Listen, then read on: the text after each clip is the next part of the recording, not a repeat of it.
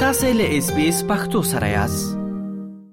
د اس بي اس رادیو د پښتو خبرونه محترم اوریدونکو وخت مو په خیر رحیم الدین اوریا خیل یم له افغانستانه تاسو ته د افغانستان او سیمې د تیر یوې اونۍ مهمه پیښه وړاندې کوم هله ده چې تر پای مې ملتیا وکوي د افغانستان لپاره د امریکا ځانګړي استازي ټام ویسټ تیر اونۍ د داعش پر وړاندې د طالبانو مبارزه وستایله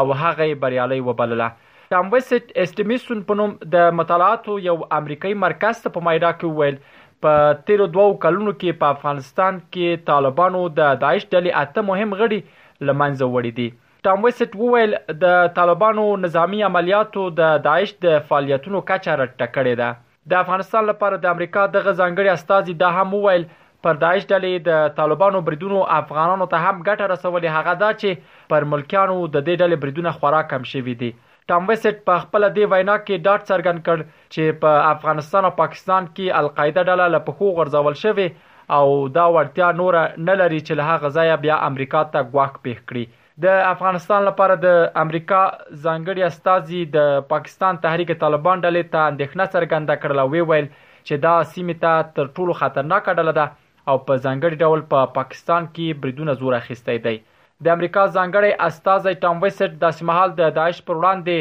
د طالبانو مبارزه ستايي او هغه بریالۍ بولي چې تر دې وړاندې د امریکا خبري اژانس سي ان ان د دوو جګپوړو چارواکو له قوله ویلي ول چې د امریکا د یوې نوې استخباراتي ارزونې له مخې دا په ډاګه شوې، په افغانستان کې د داعش ډلې پر ضد د طالبانو پوځي عملیات د دغې ډلې د فعالیت کچه را ټیټه کړې ده.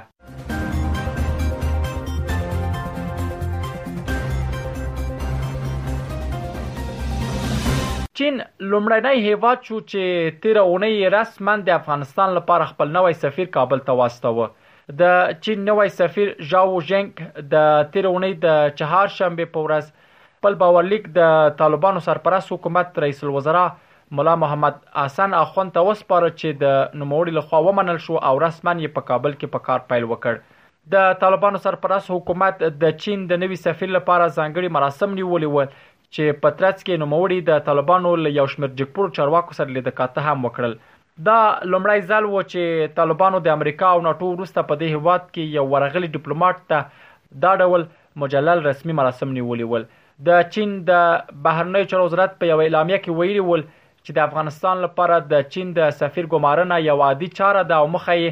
د چین او افغانستان ترمنځ ډیالوګ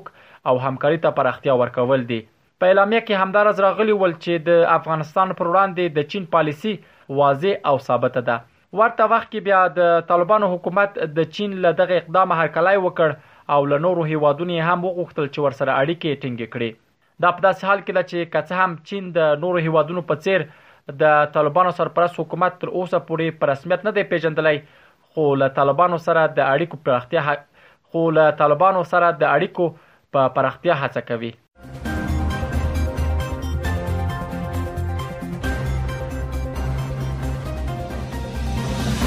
د طالبانو سرپرست حکومت د لوړ زده کړو سرپرست وزیر تیرونی په خپل تازه څرګندونو کې وویل چې د زده کړو په ګډون د خزو ټول شرعي حقوق ورکول کیږي او په دې کار کې باید بیړه ونشي د طالبانو د لوړو زده کړو سرپرست د دغې ډلې تر لاس لاندې ملي ټلویزیون سره په مرکه کې وویل چې غربي هېوادونه د ښځو د زده کړو حق د ځنډولو موضوع څخه ناوړه ګټه پورته کوي. دغه طالب چارواکي وویل چې د ښځو د زده کړې تر نامه لاندې د نړۍ هېوادونو ځان ته ښه عذر موندلی په داسې حال کې چې دوی د امنیت، اقتصاد او خلکو ته د عدالت په اړه څه نشي ویلی. د طالبانو د لوړو زده کړو سرپرست وزیر ادعا وکړه چې نړۍ د افغانستان د تمدن او پرمختګ تر نامه لاندې غواړي لکه څنګه چې په نورو غربي هېوادونو کې ښځې د لباس اغوستلو او له ظاهري پلوه تګ راتګ کوي، د افغانستان ښځې هم هماغسې وي. هغه دا هم وویل چې د یوې مسلمانې خور هر حق چې مالي حق یې دی، علمي حق یې دی، د عزت حق دی، ورکول یې یو مسؤلیت او مکلفیت دی. د طالبانو د لوړو زده کړو سرپرست وزیر ندا محمد ندیم داسې مهال د نجونو د زده کړو په اړه دغه څرګندونې کوي چې دې ډلې واک ته د رسېدو وروسته په خلکو په ځانګړي ډول پر ښځو مخ په زیاتېدونکي محدودیتونه وضع کړي، له مکتبونو او پوهنتونونو یې راګرځولي او ښځې له محرم پرته چېرته د سفر اجازه نه لري.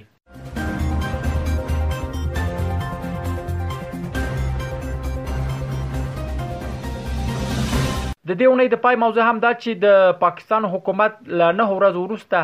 تیر اونۍ د تورخم دروازه د هر راز تګ راتګ پر مخ خلاص کړه دغه دروازه د طالبانو حکومت د بهرنی چارو د سرپرست وزیر او په کابل کې د پاکستان سفارت د شارج زفیر له لیدنې وروسته چې له دې یوه ورځ وړاندې ترسره شوه، پرون د جمعې په ورځ پرانیستل شوه. د دې ترڅنګ د تېر چهارشنبې په ورځ د متحده ایالاتو د بهرنیو چارو وزارت ویلي ول چې طالبان او پاکستان بهوهڅوي چې دغې ستونزې ته د حل یوه لاره وراوباسي.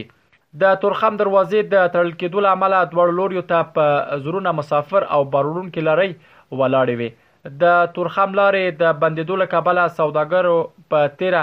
د مېوو او سبزیو افغان سوداګرو ته ډېر مالي زیان واوښت. د تورخم دروازه یوه اونۍ وړاندې پاکستان وروسته له هغه وتړله